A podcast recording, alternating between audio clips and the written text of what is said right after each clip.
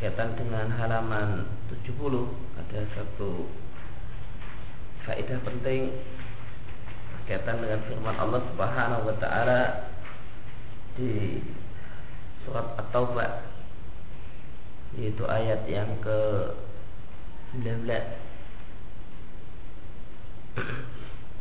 itu firman Allah Subhanahu wa taala aj'altum siqayatal hajj wa imara wa imaratal masjidil haram kaman amana billahi wal yawmil akhir. Ini ada satu faedah yang bisa kita simpulkan atau yang termuat dalam ayat ini yaitu di antara karakter jeliah dan di antara keyakinan jeliah adalah eh, kepekaan sosial dan kepedulian sosial dianggap sudah cukup. Tanpa iman kepada Allah Subhanahu wa taala dan hari akhir. Apakah kalian jadikan orang-orang yang memberi minum untuk para jemaah haji? Ini amal sosial, ini kepekaan sosial, ini kepedulian sosial wa imaratul masjidil haram dan menjadi penduduk tanah haram yang ngurusi masjid, ngurusi bangunannya dan sebagainya itu sama dengan nilai orang yang beriman pada Allah dan hari akhir. Maka orang-orang maka di antara karakter jelia dan keyakinan jelia adalah beranggapan bahwasanya ketika seorang itu sudah memiliki kepekaan sosial, kepedulian sosial. Nah, maka itu sudah cukup. Tidak perlu punya iman kepada Allah dan hari akhir. Dan Allah tegaskan bahasanya amal sosial dan kepekaan sosial itu belum cukup. Tidak bisa menggantikan iman kepada Allah dan hari akhir maka anggapan anggapan orang-orang sekarang yang beranggapan bahwasanya atau sebagian orang sekarang ya, bahwasanya kebaikan yang bersifat sosial kepedulian sosial itu dikira satu hal yang bermanfaat tanpa iman kepada Allah dan hari akhir. Ini adalah sebenarnya adalah mengulang karakter jahiliyah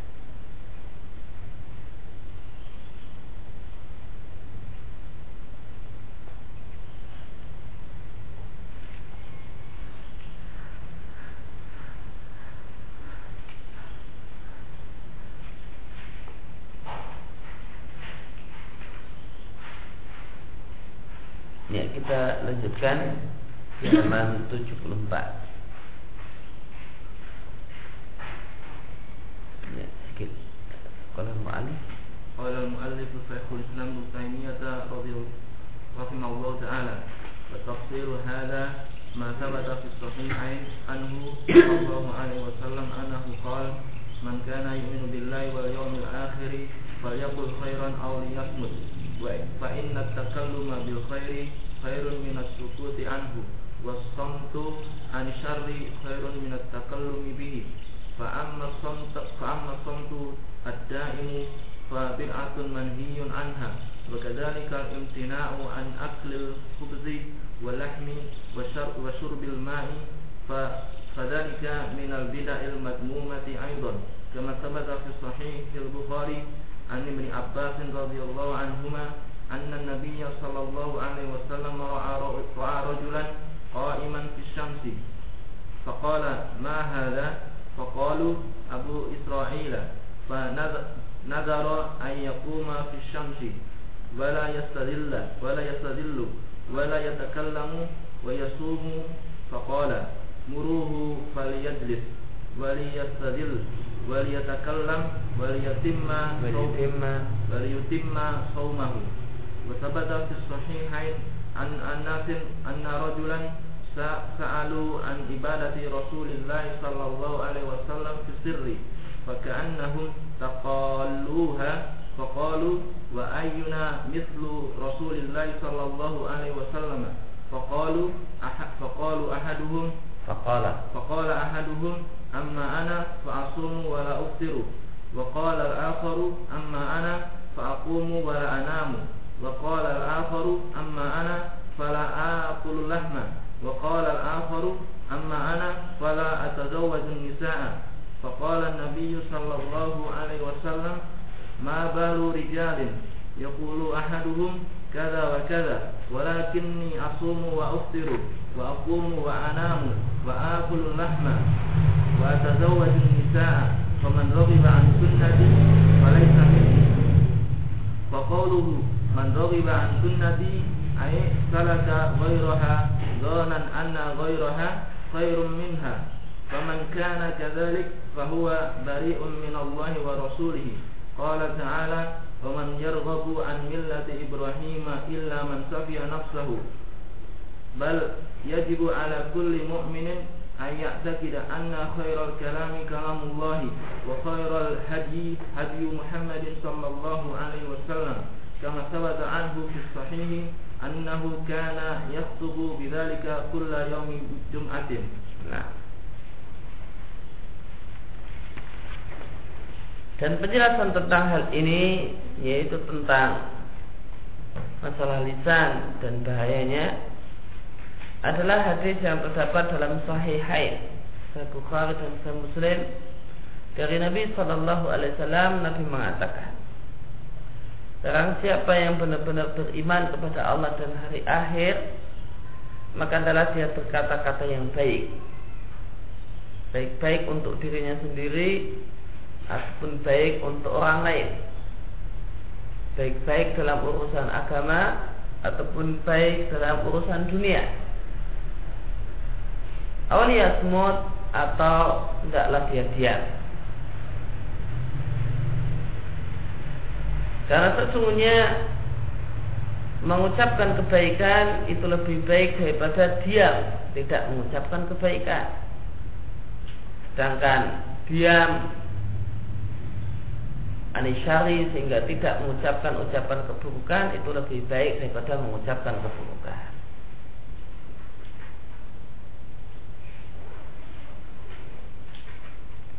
Adapun diam yang terus menerus yaitu puasa bisu. Kalau sekarang mogok bicara? Maka hukumnya kata Syekhul Islam fabit atun manhiyun anha. Adalah satu amal bid'ah dan amal yang terlarang. Panjang hari orang itu cuma diam dan tidak mau bicara.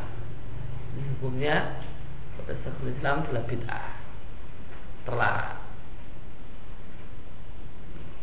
tidak ada puasa bisu puasa tidak mau berbicara dalam ajaran Islam.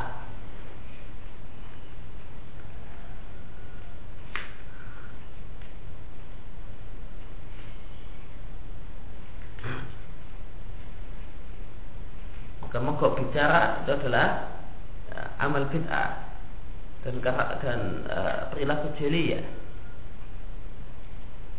Wakadzalikal imtina anil uh, an aqlil khubzi wal lahmi wa syurbil ma. Demikian pula tidak mau makan roti, tidak mau makan daging dan tidak mau minum air. Ada orang puasa dengan bentuk tidak mau makan daging. Atau ada orang yang puasa. Dengan bentuk tidak mau makan roti. Atau ada orang yang berpuasa dengan bentuk tidak mau makan eh, tidak mau minum air putih. Air yang lain dan makanan yang lain mau. Namun kalau air putih nggak mau. Maka puasa-puasa bentuk semacam ini dikatakan fadzalika minal bid'ai al-mazmumati. Ini termasuk amal bid'ah yang tercela.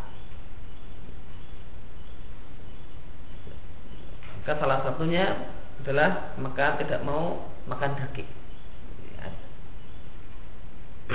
Ada puasanya orang Jawa, bikinannya orang Jawa, nah, puasa saya cuma puasanya nggak mau makan daging makan yang lainnya mau dan boleh kan tetapi kalau makan daging nggak boleh. Mungkin di sini ada penjelasan hukumnya dari Syekhul Islam Taimiyah. Yaitu sudah katakan pada minal bid'ail madmuma. Itu adalah di antara bentuk bid'ah yang tercela apa dalilnya? Kama sahabat bagaimana terdapat dalam Sahih Bukhari dari Ibnu Abbas radhiyallahu anhuma. Sesungguhnya Nabi Shallallahu Alaihi Wasallam melihat seorang yang berdiri qaiman fi syamsi di terik matahari. Tidak mau berteduh padahal ada tempat untuk berteduh dan bernaung. Maka Nabi bertanya kepada para sahabat, siapakah orang ini? Siapa mengatakan dia adalah seorang yang namanya Abu Israel. Kenapa? Dia ini semacam ini karena dia punya nazar. Ayakum Abu Syams. Nazar untuk berdiri di terik matahari. Kalau saya Allah memberikan nikmat pada saya demikian, maka saya akan berdiri seharian di terik matahari. dan tidak mau bernaung dan dia bernazar untuk tidak ngomong di samping dia bernazar untuk puasa dan artian puasa syar'i. Maka Nabi Shallallahu Alaihi Wasallam mengatakan perintahkanlah dia untuk duduk karena dia bernazar untuk berdiri. Maka Nabi katakan nazar untuk berdiri itu tidak boleh dilaksanakan. Perintahkan dia untuk duduk. Kemudian dia bernazar fisyams wala dalam terik matahari dan tidak bernaung maka Nabi katakan wal yastahil tidaklah dia perintahkan dia untuk bernaung nazarnya untuk berdiri dilarang perintahkan untuk duduk nazarnya untuk berada di terik matahari Nabi larang dan Nabi perintahkan untuk naum. Kemudian nazarnya untuk puasa bisu tidak mau bicara Nabi Nabi perintahkan untuk dibatalkan. Kalau takalla tidaklah dia ngomong. Adapun nazarnya untuk berpuasa puasa yang syar'i maka ini nazar taat maka Nabi perintahkan untuk diselesaikan. Wajidim masamahu dan adalah dia selesaikan ya, puasanya.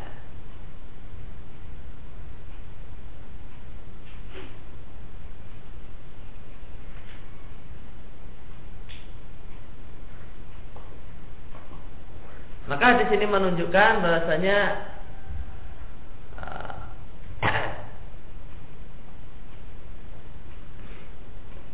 adanya perintah dari Nabi Shallallahu Alaihi Wasallam untuk menyelesaikan nazar ta'ah.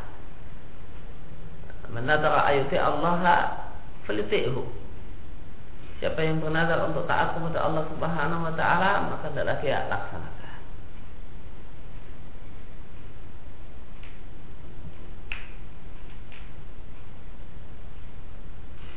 Dan di sini jadikan dalil oleh sebagian ulama untuk melarang nazar dalam perkara mubah.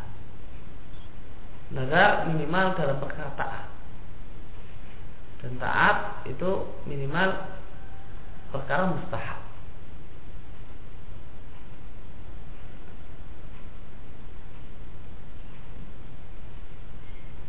Karena orang ini bernazar untuk berdiri.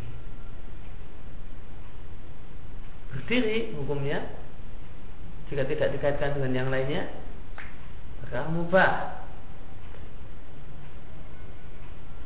Orang itu diam pada asalnya adalah perkara mubah.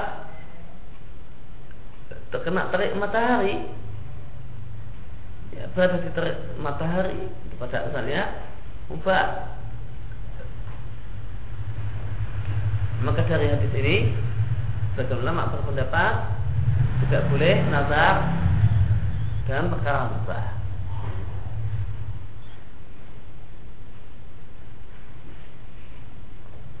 nazar minimal dalam perkara mustahab. dalam perkataan. Man nadar ayati Allah yuti'u. Siapa yang bernadar untuk taat kepada Allah, adalah dia taat kepada Allah.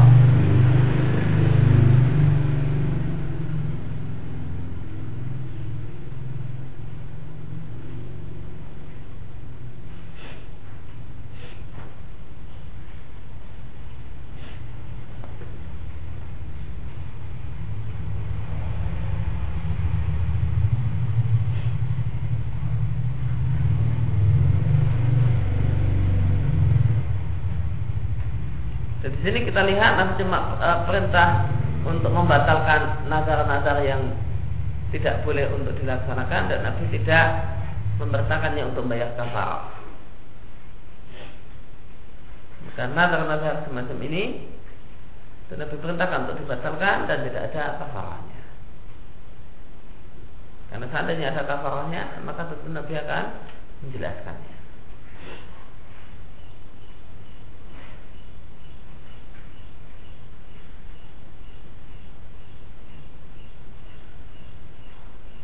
Dan di sini menunjukkan bahwasanya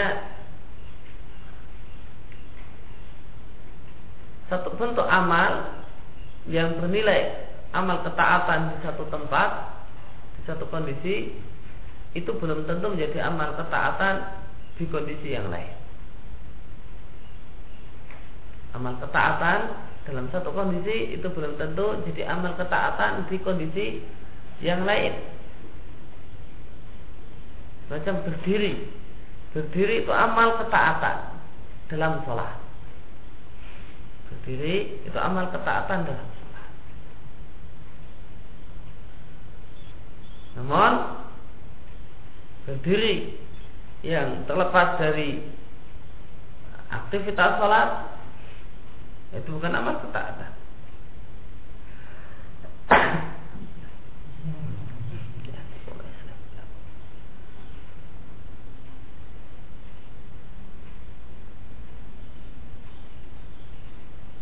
berdiri itu amal ketaatan.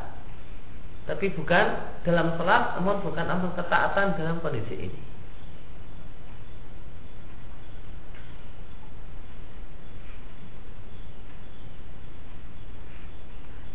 Maka ini nah, dari kandungan hadis ini mungkin ada satu kaidah yang sangat penting untuk merontokkan anggapan orang-orang yang suka melakukan amal bid'ah. Mereka beranggapan bahasanya jika satu amal itu adalah amal ketaatan di satu kondisi, maka itu adalah amal ketaatan dalam semua kondisi.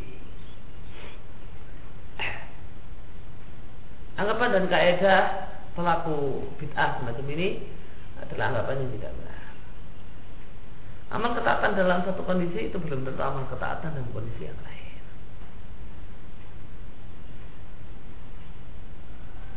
Ini kan, ini di antara kandungan hadis ini yang dengan ini uh, maka apatoklah anggapan banyak para pelaku bid'ah yang beranggapan membaca Quran itu baik.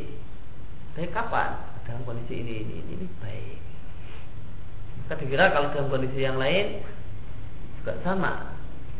Dianggap baik juga. Baca la ilaha illallah dalam kondisi ini sambil doa untuk la ilaha illallah, la ilaha illallah baik maka dikira di kondisi yang lain juga sama maka itu e, prinsip dan kaidah yang dianut oleh banyak pelaku bid'ah Biasanya amal kebaikan di satu kondisi itu akan jadi amal kebaikan dalam kondisi yang lain. Padahal tidak demikian menurut syariat. Amal kebaikan dalam satu kondisi belum tentu jadi amal kebaikan dalam kondisi yang lain. Berdiri dalam sholat itu satu amal kebajikan, amal ketaatan akan tapi tidak jadi amal kebajikan dan amal ketaatan dalam kondisi semacam ini.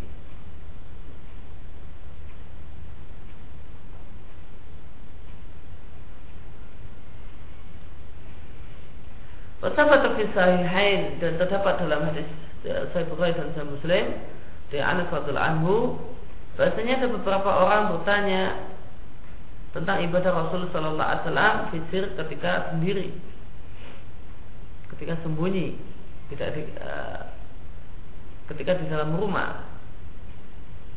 Setelah dia mendapatkan cerita dari salah seorang istri Nabi tentang bagaimanakah ibadah Nabi ketika di dalam rumah faka'annahum taqalluha maka seakan-akan mereka menganggap ibadah Nabi tersebut terlalu sedikit. Ini enggak cocok untuk orang yang banyak dosa ini cocok nah, memang apa yang Nabi lakukan itu cocok namun untuk orang yang tidak punya dosa seperti Nabi jadi mereka menganggap amal mereka terlalu sedikit atau amal Nabi terlalu sedikit maka lalu mereka mengatakan ayuna mislu Rasulullah sallallahu alaihi wasallam. Siapakah di antara kita yang semisal Nabi sallallahu alaihi wasallam yaitu yang diampuni dosanya. Kita ini manusia yang penuh dengan dosa. Siapa di antara kita yang semisal dengan Nabi sallallahu alaihi wasallam? Karena Nabi ibadahnya segitu cuma sedikit seperti itu normal wajar. Karena Nabi karena dia orang yang tidak pernah dosa dan dia ampuni dosanya. Bagaimanakah dengan kita? Hanya berkatalah salah satu di antara mereka, ataupun aku, aku berniat untuk puasa sepanjang hari, setiap hari puasa dan tidak pernah berbuka. Orang yang kedua mengatakan, adapun saya, saya punya niatan untuk ya, sholat terus ya, di waktu malam dan tidak ada istilah tidur malam hari. Yang lain mengatakan ada pun aku maka aku akan puasa, nah, tidak akan mau makan daging. Kemudian orang yang keempat mengatakan ada pun aku maka aku tidak akan menikah. Karena Nabi Wasallam mengatakan, "Mabalu rijalin apa keadaan sekelompok orang yang salah satu mereka mengatakan demikian dan demikian padahal aku berpuasa dan kadang tidak puasa aku sholat dan kadang tidur dan aku juga mau makan daging serta aku pun beristri sama rahibaan sunnati pada ini karena siapa yang membenci sunnahku maka dia bukan bagian dariku. Maka dalam hadis ini terdapat dalil berkaitan dengan masalah puasa dalam bentuk tidak mau makan daging. Nabi melarang orang yang berpuasa tidak mau makan daging. Nah karena itu maka orang di antara bid'ah yang tercela dan semua bid'ah adalah tercela adalah imtina an aklil hubsi wala. Demikian juga dalam hadisnya Abu Israel tadi terdapat, terdapat dalil tentang apa yang dikatakan oleh Syekhul Islam berkaitan dengan hukum puasa bisu. Di mana kata Syekhul Islam puasa bisu hukumnya adalah bid'ah. Maka dalil kalau puasa bisu itu hukumnya bid'ah adalah hadis Abu Israel yang dia punya nazar untuk diam. Namun, namun Nabi perintahkan wal yatakalam.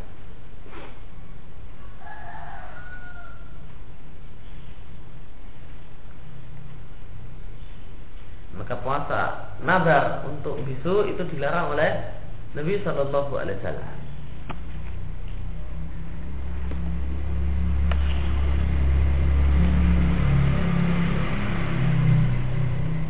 Dua hadis ini menunjukkan bahwasanya hulu itu sudah muncul di masa Nabi Shallallahu Alaihi Wasallam. Ya, hulu sikap berlebihan dalam beragama itu sudah ada sudah muncul di masa Nabi Shallallahu Alaihi Wasallam. Namun belum tersebar. Cuma baru ada pada satu dua orang segelintir kecil dari uh, orang di masa Nabi Shallallahu Alaihi Wasallam dan Nabi pun telah uh, dengan segera menumpas sikap-sikap semacam ini. Maka secara hulu di mana mulai kapankah hulu itu ada di umat ini? Jawabannya hulu itu sudah ada sejak masa Nabi Sallallahu Alaihi Wasallam. Dan orang hulu dalam beribadah dan hulu dalam uh, perkara-perkara mubah itu sudah ada di masa Nabi alaihi wassalam.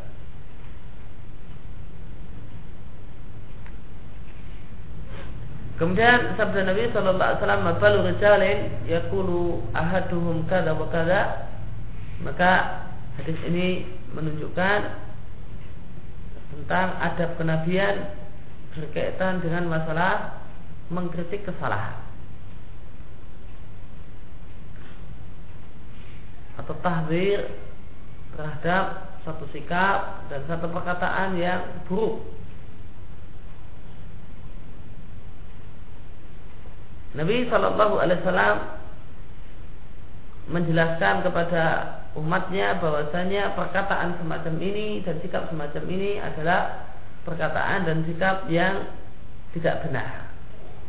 Namun Nabi Shallallahu Alaihi Wasallam cuma menyebutkan perkataan tanpa membahas orangnya, tanpa menyebutkan namanya. Balu rijalin. Kenapa ada sebagian orang yang punya perkataan demikian dan demikian? Nah, disampaikan di hadapan para sahabat, namun Nabi tidak menyebutkan dan di antara mereka ada yang mengucapkan tadi Nabi tidak menyebutkan siapakah nama orangnya. Dan sikap uh, dan sikap Nabi semacam ini juga ada dalam hadis-hadis yang lain. Maka inilah hukum asal dalam masalah mengingatkan kesalahan. Hukum asal dalam mengingatkan kesalahan adalah karena tujuannya adalah untuk menghilangkan kesalahan tersebut atau perkataan tersebut maka yang dibahas adalah perkataannya bukan menyebut nama orangnya. Maka hukum asal dalam menegur pendapat yang keliru opini yang salah pernyataan yang menyimpang adalah kita bahas kesalahannya tanpa menyebutkan orangnya. Karena tujuan dari kita membahas hal ini apa tujuannya? Membahas orangnya bukan. Tujuannya adalah mengingatkan orang supaya jangan ikut-ikutan semacam ini dan mengingatkan pelakunya dan menyadarkannya bahasanya ini adalah keliru dan ini sudah tercapai dengan sekedar kita membahas perkataan yang keliru tanpa menyebut-nyebut uh, nama personnya. Meskipun bukan berarti kita anti dengan menyebutkan nama pelaku kesalahan secara mutlak. Namun itu bukan hukum asalnya. Hukum asal dalam masalah menegur kesalahan adalah membahas kesalahan dan menyebutkan kesalahannya tanpa menyebut nama pelakunya dan demikianlah yang Nabi ajarkan. Bagaimana juga Nabi mengajarkan untuk menyebut kejelekan orang dalam kondisi yang lain. Nah, semuanya jelas benar, nah, namun semuanya ada pada tempatnya masing-masing. Hukum asalnya adalah tidak menyebut nama, juga cukup membahas kesalahan, akan tapi bisa saja menyebut nama dan membahas, uh, dan menyebutkan personnya jika memang ada tuntutan untuk itu. Namun jika dengan kita sebutkan kesalahan ini sudah mencukupi, orang sudah paham harus meninggalkan perkataan semacam ini, ya maka itu seharusnya. Karena menyebutkan persoalan adalah riba dan hukum hasil riba adalah haram kecuali dalam kondisi-kondisi yang memang di situ menyebabkan riba dibolehkan.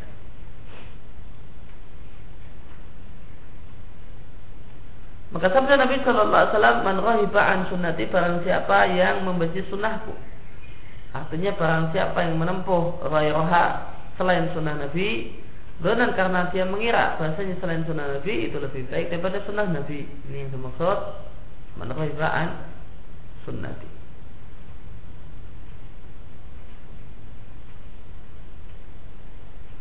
Bukan hanya sekedar meninggalkan apa yang Nabi ajarkan dalam artian maksiat. Namun itu maksud rahibaan sunnati adalah dhannan anna ghairaha khairun minha. Meninggalkan yang Nabi ajarkan dengan disebabkan motif keyakinan dan anggapan. Selain yang Nabi ajarkan di luar yang Nabi ajarkan itu lebih baik. Ini penjelasan penting dari Syekhul Islam nah, tentang makna rohiba an sunnati membenci sunnahku.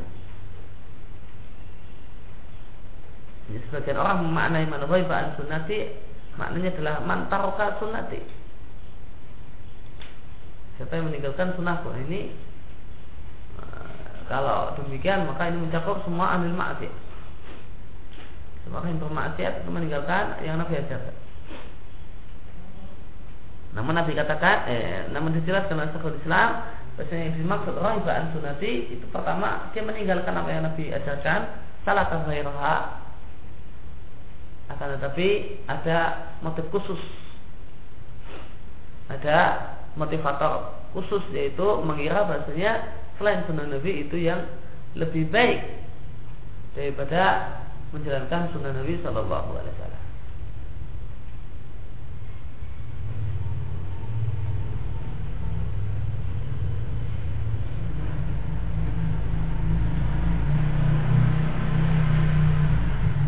Dan hadis ini menunjukkan bahasanya rohbah an sunnati Nabi Sallallahu Alaihi Wasallam itu termasuk dosa besar. Karena Nabi barak dari mereka. Menurut an sunnati falaisa ini maka dia bukanlah bagian dariku, bukanlah umatku.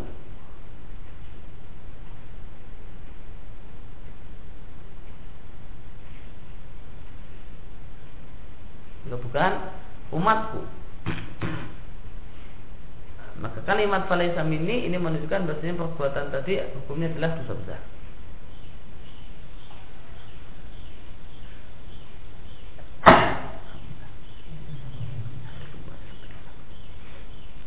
Famangkana kadzalika maka siapa yang seperti itu maka dia telah berlepas diri dari Allah dan Rasulnya. Dan Allah berfirman, "Wa man yarghabu amilati Ibrahim" dan siapa yang membenci ajaran Ibrahim, tidak ada yang membenci Ajar Ibrahim illa man nafsa kecuali orang yang membodoh-bodohkan dirinya sendiri. Tiba ala kulli mu'min bahkan setiap mukmin punya kewajiban untuk berkeyakinan bahwa sebaik perkataan adalah firman Allah dan sebaik-baik petunjuk adalah petunjuk Muhammad sallallahu alaihi wasallam.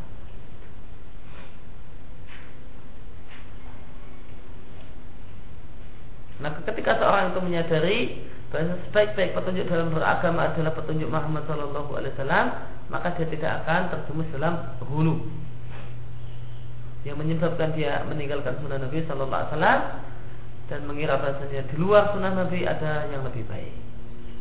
Kama anu sebagaimana kalimat ini anak khairul kalam kalamullah itu adalah uh, perkataan Nabi Shallallahu Alaihi Wasallam. Ada sabata anhu adalah satu hal yang berasal dari Nabi. Fi sahih sebagaimana dalam hadis yang sahih. Yaitu dalam saya Muslim dari sahabat Jabir bin Abdullah. Anu kana yaktubu bidzalika bahasanya Nabi sallallahu alaihi wasallam berkhutbah menyampaikan hal ini anak khairul kalam kalamullah kulla yaumil jumu'ah setiap hari Jumat. Kalau yaktubu itu artinya berkhutbah, kalau yaktibu itu artinya melamar. tulisannya sama, beda maknanya gara-gara beda membacanya. Yaktubu, khotbah yaktubu artinya khutbah, sedangkan khotbah yaktubu artinya khitbah. Ya, khatib dengan panjangnya dengan dipanjangkannya to, tib artinya orang yang menyampaikan khutbah atau kalau khatib dengan panjangnya kha itu artinya orang yang mengamal. Ini pernah Kalau ma'alif وليس من شك ولي الله أن يكون مرسوما على البر ولا يكتبه بل يجوز أن يخفى عليه بعض علم الشريعة يجوز أن يشتبه عليه بعض أمور الدين حتى يكتب أن بعض الأمور مما أمر الله به ويكون مما نهى الله عنه. يجوز أن يظن في بعض الخوارق أنها كرامات أولياء الله. وتكون من الشيطان لبسها عليه.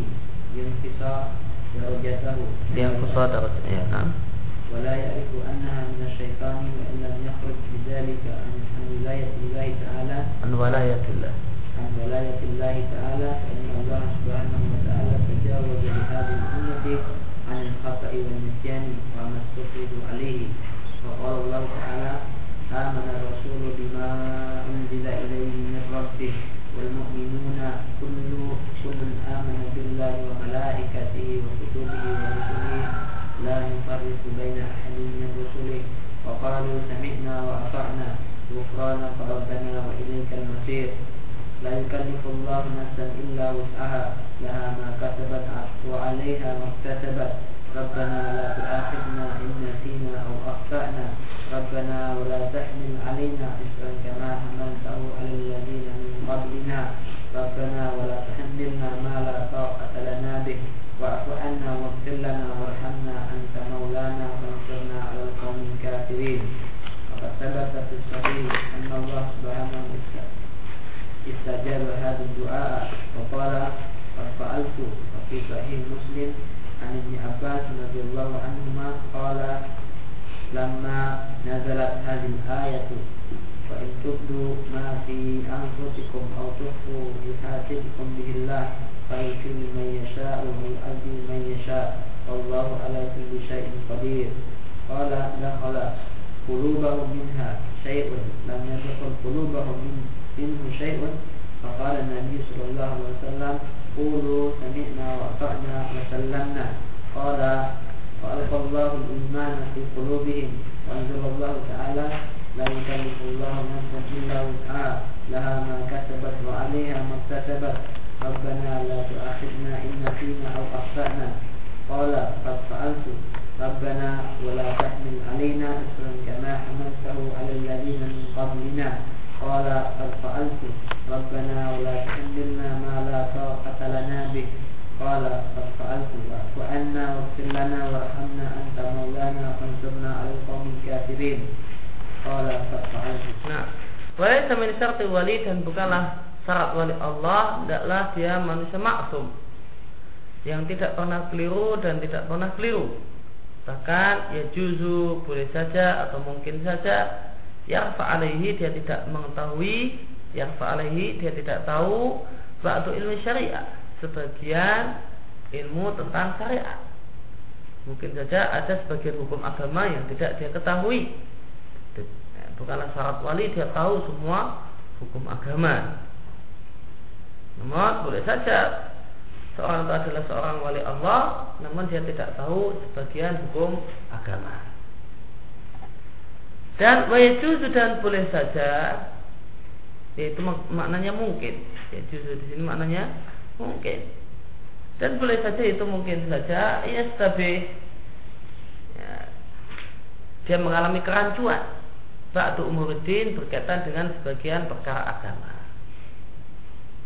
Sampai-sampai dia mengira bahasanya Sebagian perkara tersebut adalah Satu hal yang Allah perintahkan Ternyata adalah sesuatu yang Allah larang. Dan jadi karena dia mengalami kerancuan. Ya, tentang satu hal dia kira dengan anggapan dengan berdalil dengan demikian dan demikian oh hukumnya dianjurkan pada hukumnya malah dilarang. Wajib dan boleh jadi dan mungkin saja dia mengira bahasanya sebagian kemampuan luar biasa yang dia miliki atau dia alami ini adalah karomah wali. Padahal watakun minasyaitan. Ini adalah upaya setan untuk menghancurkan dirinya, untuk menimbulkan kerancuan pada dirinya. Supaya untuk menurunkan derajatnya di sisi, Allah. Tanpa dia eh, tanpa dia menyadari kalau itu adalah berasal dari Ya, maka beliau kata Syekhul Islam, beliau katakan mungkin saja ada seorang wali kemudian dia mendapatkan khawarikul ada kemampuan luar biasa. Nah sama orangnya sama orang yang mendapatkannya dia ngira oh ini karomah Allah untuk saya saya diberi oleh Allah karomah kemampuan luar biasa padahal bukan itu setan ya, melakukan hal itu untuk dirinya ya, supaya dia tertipu kemudian bangga dan turunlah derajatnya di sisi Allah Subhanahu wa taala. Yang membuat dia sakti ketika itu itu setan. Supaya dia kemudian mengaku oh, saya wali. Ya, saya dapat karomah. Tujuannya Pak untuk menurunkan derajatnya di sisi Allah. Maka boleh jadi orang itu mendapatkan kalau ada kemampuan luar biasa dan dia merasa itu datang dari dari Allah padahal itu bukan datang dari Allah.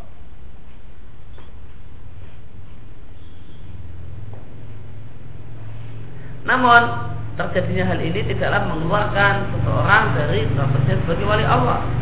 Karena Allah Subhanahu wa taala memaafkan untuk umat ini ya, dosa yang dilakukan karena tidak sengaja, karena lupa dan karena dipaksa. Sebagaimana ya, dalam hadis yang diriwayatkan oleh Ibnu Majah dari Ibnu Abbas radhiyallahu anhuma dan dinilai sahih oleh Al-Albani di Irwaul Ghalid. Bagaimana firman Allah Subhanahu wa taala, "Amara rasulu bima unzila ilaihi min rabbi wal mu'minun." Rasul dan orang-orang yang beriman beriman dengan wahyu yang diturunkan kepada mereka dari Rabb mereka Kulun semua mereka yaitu orang-orang yang beriman dan dan Rasul beriman pada Allah, beriman pada malaikat, kitab, Rasul, uh, kitab dan Rasul. Mereka mengatakan kami tidak membedakan antara seorang Rasul dengan Rasul yang lain. Dan mereka mengatakan kami mendengar dan kami taat dan mereka mengatakan butuh pada Allah, ampunanmu ya Allah, wahai kami, dan hanya dan hanya kepada mula al-masir tempat kembali. Kita katakan dan hanya kepadamu maknanya ada hanya karena di sini ilaikanya berada depan. Maka menunjukkan mana hasr. Wa ilaikal dan hanya kepadamu tempat kembali. Dan berkaitan dengan kalimat iman maka dalam Al-Quran maka kita jumpai ayat-ayat yang menggandengkan iman dengan ba. Amanah rasulu bima. Kulun amana billahi namun ada juga amanah yang digandengkan dalam Al-Quran digandengkan dengan huruf lam. Bagaimana di surat Yusuf?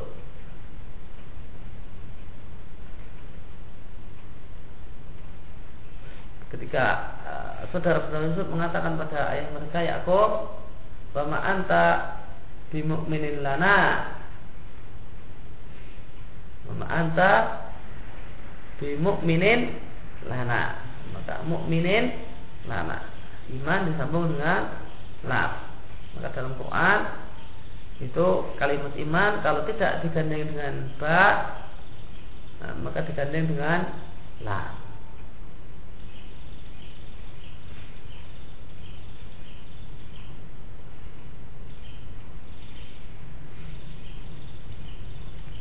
Dan jika iman itu digandeng dengan lam, maka umumnya iman di situ adalah iman lugawi.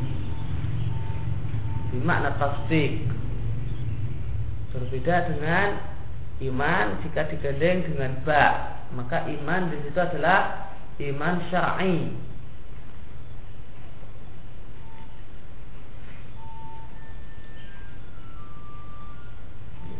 Umumnya jika iman uh, lafaz iman dalam Al-Quran itu digandeng dengan lam, maka makna iman di situ adalah al-iman al-lughawi. Iman secara bahasa. Tapi kalau imannya itu digandeng dengan ba, maka imannya adalah iman syar'i.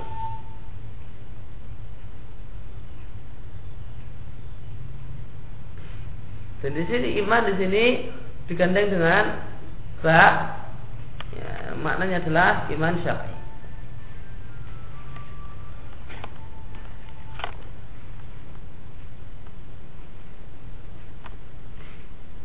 Dan di sini dikatakan lalu fariku pen ahadim rusulih di antara perkataan orang-orang yang beriman dan para rasul adalah kami tidaklah membeda-bedakan seorang pun rasul dengan rasul yang lain. Yang dimaksudkan adalah tidak membeda-bedakan dalam masalah mengimani mereka. Bahasanya mereka adalah utusan Allah Subhanahu wa taala. Dan semua mereka mendapatkan wahyu dari Allah Subhanahu wa taala, namun membeda-bedakan mereka antara seorang rasul dengan rasul yang lain dalam dua hal. Yaitu kita bedakan antara seorang rasul dengan rasul yang lain dalam ittiba. Ya, tidak semua rasul kita ikuti. Nah, rasul yang kita ikuti hanyalah Rasul Muhammad Wasallam. Bahkan Nabi mengatakan seandainya Nabi Musa itu hidup dan kalian mengikuti Musa dengan meninggalkanku maka kalian akan sesat maka kita bedakan antara seorang rasul dengan rasul yang lain dalam masalah ittiba. Tapi tidak kita bedakan dalam masalah iman.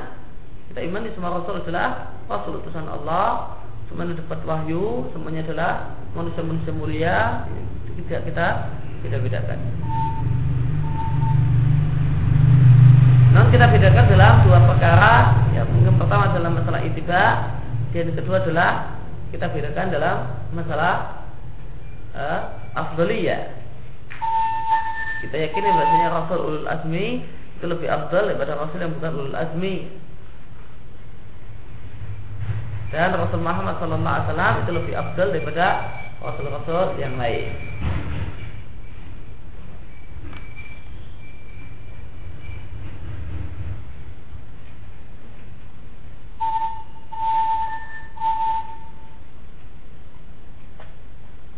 Kain maksud lalu fariqu baina ahdim rasulih ada tidak membeda-bedakan dalam masalah iman.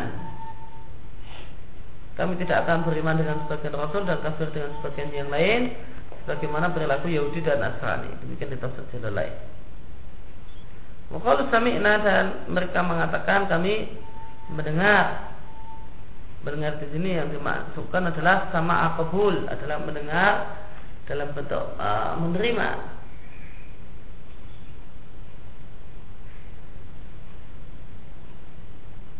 dalam makna uh, merespon positif. Karena sami'a dalam bahasa Arab itu punya dua makna. Pertama dalam adalah mendengar dalam arti idrakul masmu'at, menangkap sesuatu yang bisa didengar. Ya, atau kalau bahasa manusianya atau ya menangkap suara. Dan asli mendengar ya. Sama akabul mendengar menerima. Atau al istijabah merespon positif. Innaka antas sami'u doa ya Allah engkau zat yang mendengar doa artinya zat yang menerima doa yang dipanjatkan oleh seseorang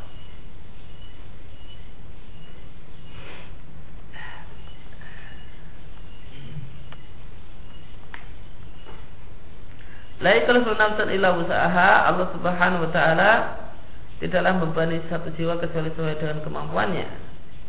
Laha maka sabat laha minal khair. Untuknya berupa kebaikan dari apa yang dia lakukan. Wa alaiha maktasabat minasyar.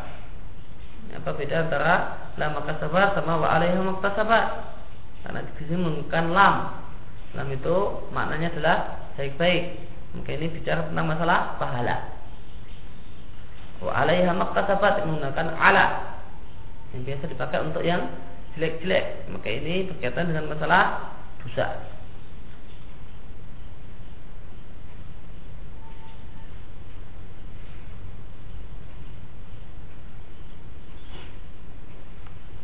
Maka mana ayat ini adalah Seorang tidaklah disiksa disebabkan dosa yang dilakukan oleh orang lain tidak pula dengan kesalahan yang dilakukan oleh orang lain. Tidak pula ada hukuman karena waswas. Karena waswas bukan kasabah. Bukan termasuk kasab. Bukan termasuk iktisab. Iktisab waswas itu tidak termasuk kasab dan iktisab. Maka tidak ada hukuman karena was-was. Lah maka sahabat, maka ini menunjukkan bahasanya orang itu tidaklah mendapatkan pahala kecuali apa yang dia lakukan. Wal uh, wa alaihi maktasabat dan dia tidak akan dihukum karena kesalahan orang lain.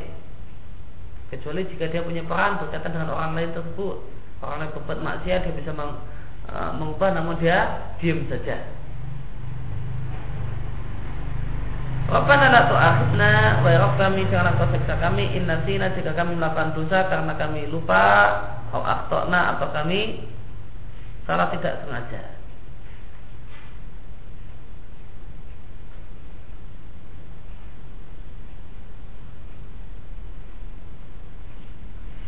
Sebagaimana engkau menyiksa dengan perkara-perkara tersebut kepada umat-umat sebelum kami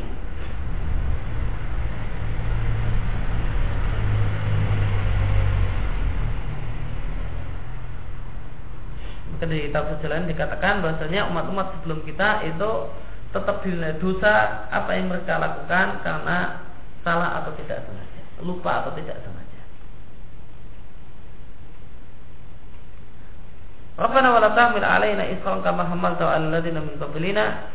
Ya Allah janganlah Engkau bebankan kepada kami isran beban yang berat bagaimana telah Engkau bebankan pada orang-orang sebelum kami yaitu Bani Israel.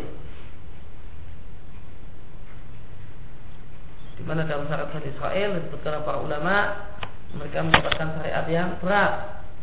Untuk membersihkan najis maka harus dipotong. Jika kain kena najis maka bagian kena najis itu dipotong digunting.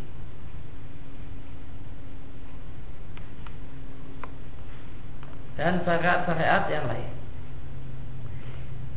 Rabbana wa la tuhamilna ma la taqata lana bih Wa kami jangan kebebankan kepada kami sesuatu yang di luar kemampuan kami. Apa yang dimaksudkan dengan Rabbana wa la tuhmina ma la taqata lana Di tafsir lain jalan lain disebutkan mencakup dua hal. Pertama takalid, yang kedua adalah al-bala. Yang pertama adalah takalifus syariah Ya Allah janganlah engkau bebankan kepada kami hukum syariat yang di luar kemampuan kami. Ini yang pertama. Kemudian yang kedua adalah al-bala, ujian. Ya Allah janganlah engkau timpakan pada kami ujian dan musibah yang kami tidak kuat untuk menangguhnya. Ujian dan musibah masalah yang di luar kemampuan kami untuk bisa bersabar menghadapinya. Wa'fu anna dan maafkanlah kami, hapuslah dosa kami. Waghfirlana warhamna. Dan ampunlah kami dan sayangilah kami.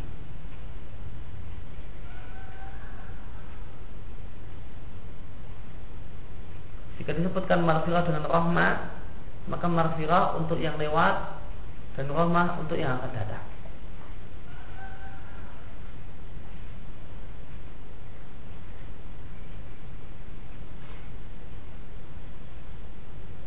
Jika disebutkan marfirah dan rahmat dalam satu kalimat maka marfirah adalah untuk yang lewat dan rahmat untuk yang akan datang Warhamna rahmatilah kami artinya ya Allah berikanlah taufik kepada kami jagalah kami di masa depan dari berbagai dosa dan kesalahan yang telah pernah kami lakukan di masa yang lewat. Anta maulana engkau adalah uh,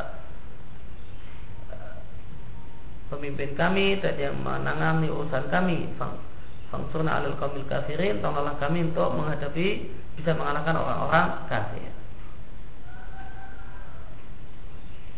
Maka di sini doa mohon pertolongan. Ah, mohon pertolongan. Pertolongan Allah di sini pertolongan yang mana? Kita lain disebutkan pertolongan dalam dua perkara. Yang pertama adalah dan hujah menang dalam hujah dalam argumen. Kemudian yang kedua adalah bola fil kita adalah menang dalam medan perang. Dan doa permohonan agar diberi kemenangan, kemenangan dalam argumen, ya, dan kemenangan dalam medan perang terhadap orang-orang kafir.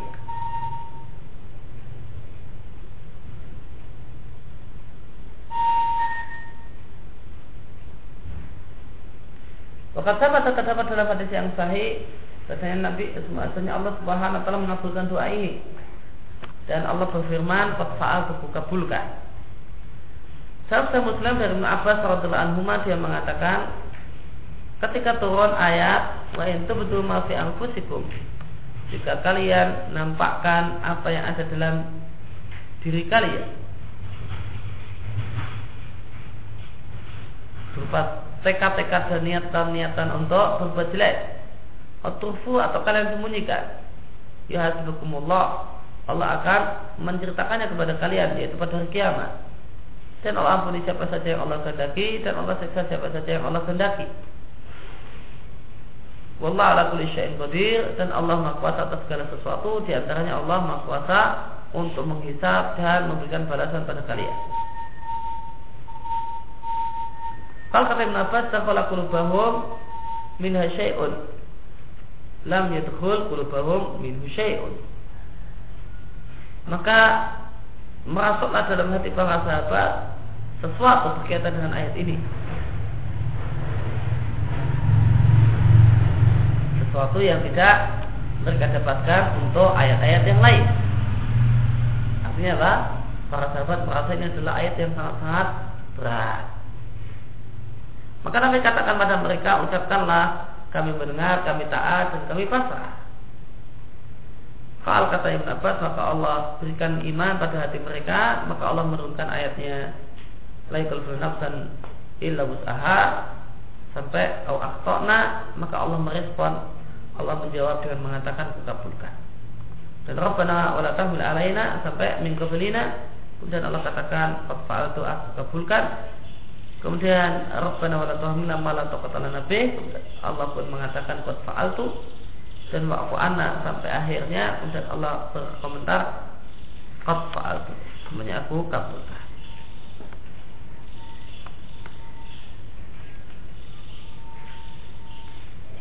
Maka ayat ini dalil apa yang disampaikan oleh e, penulis.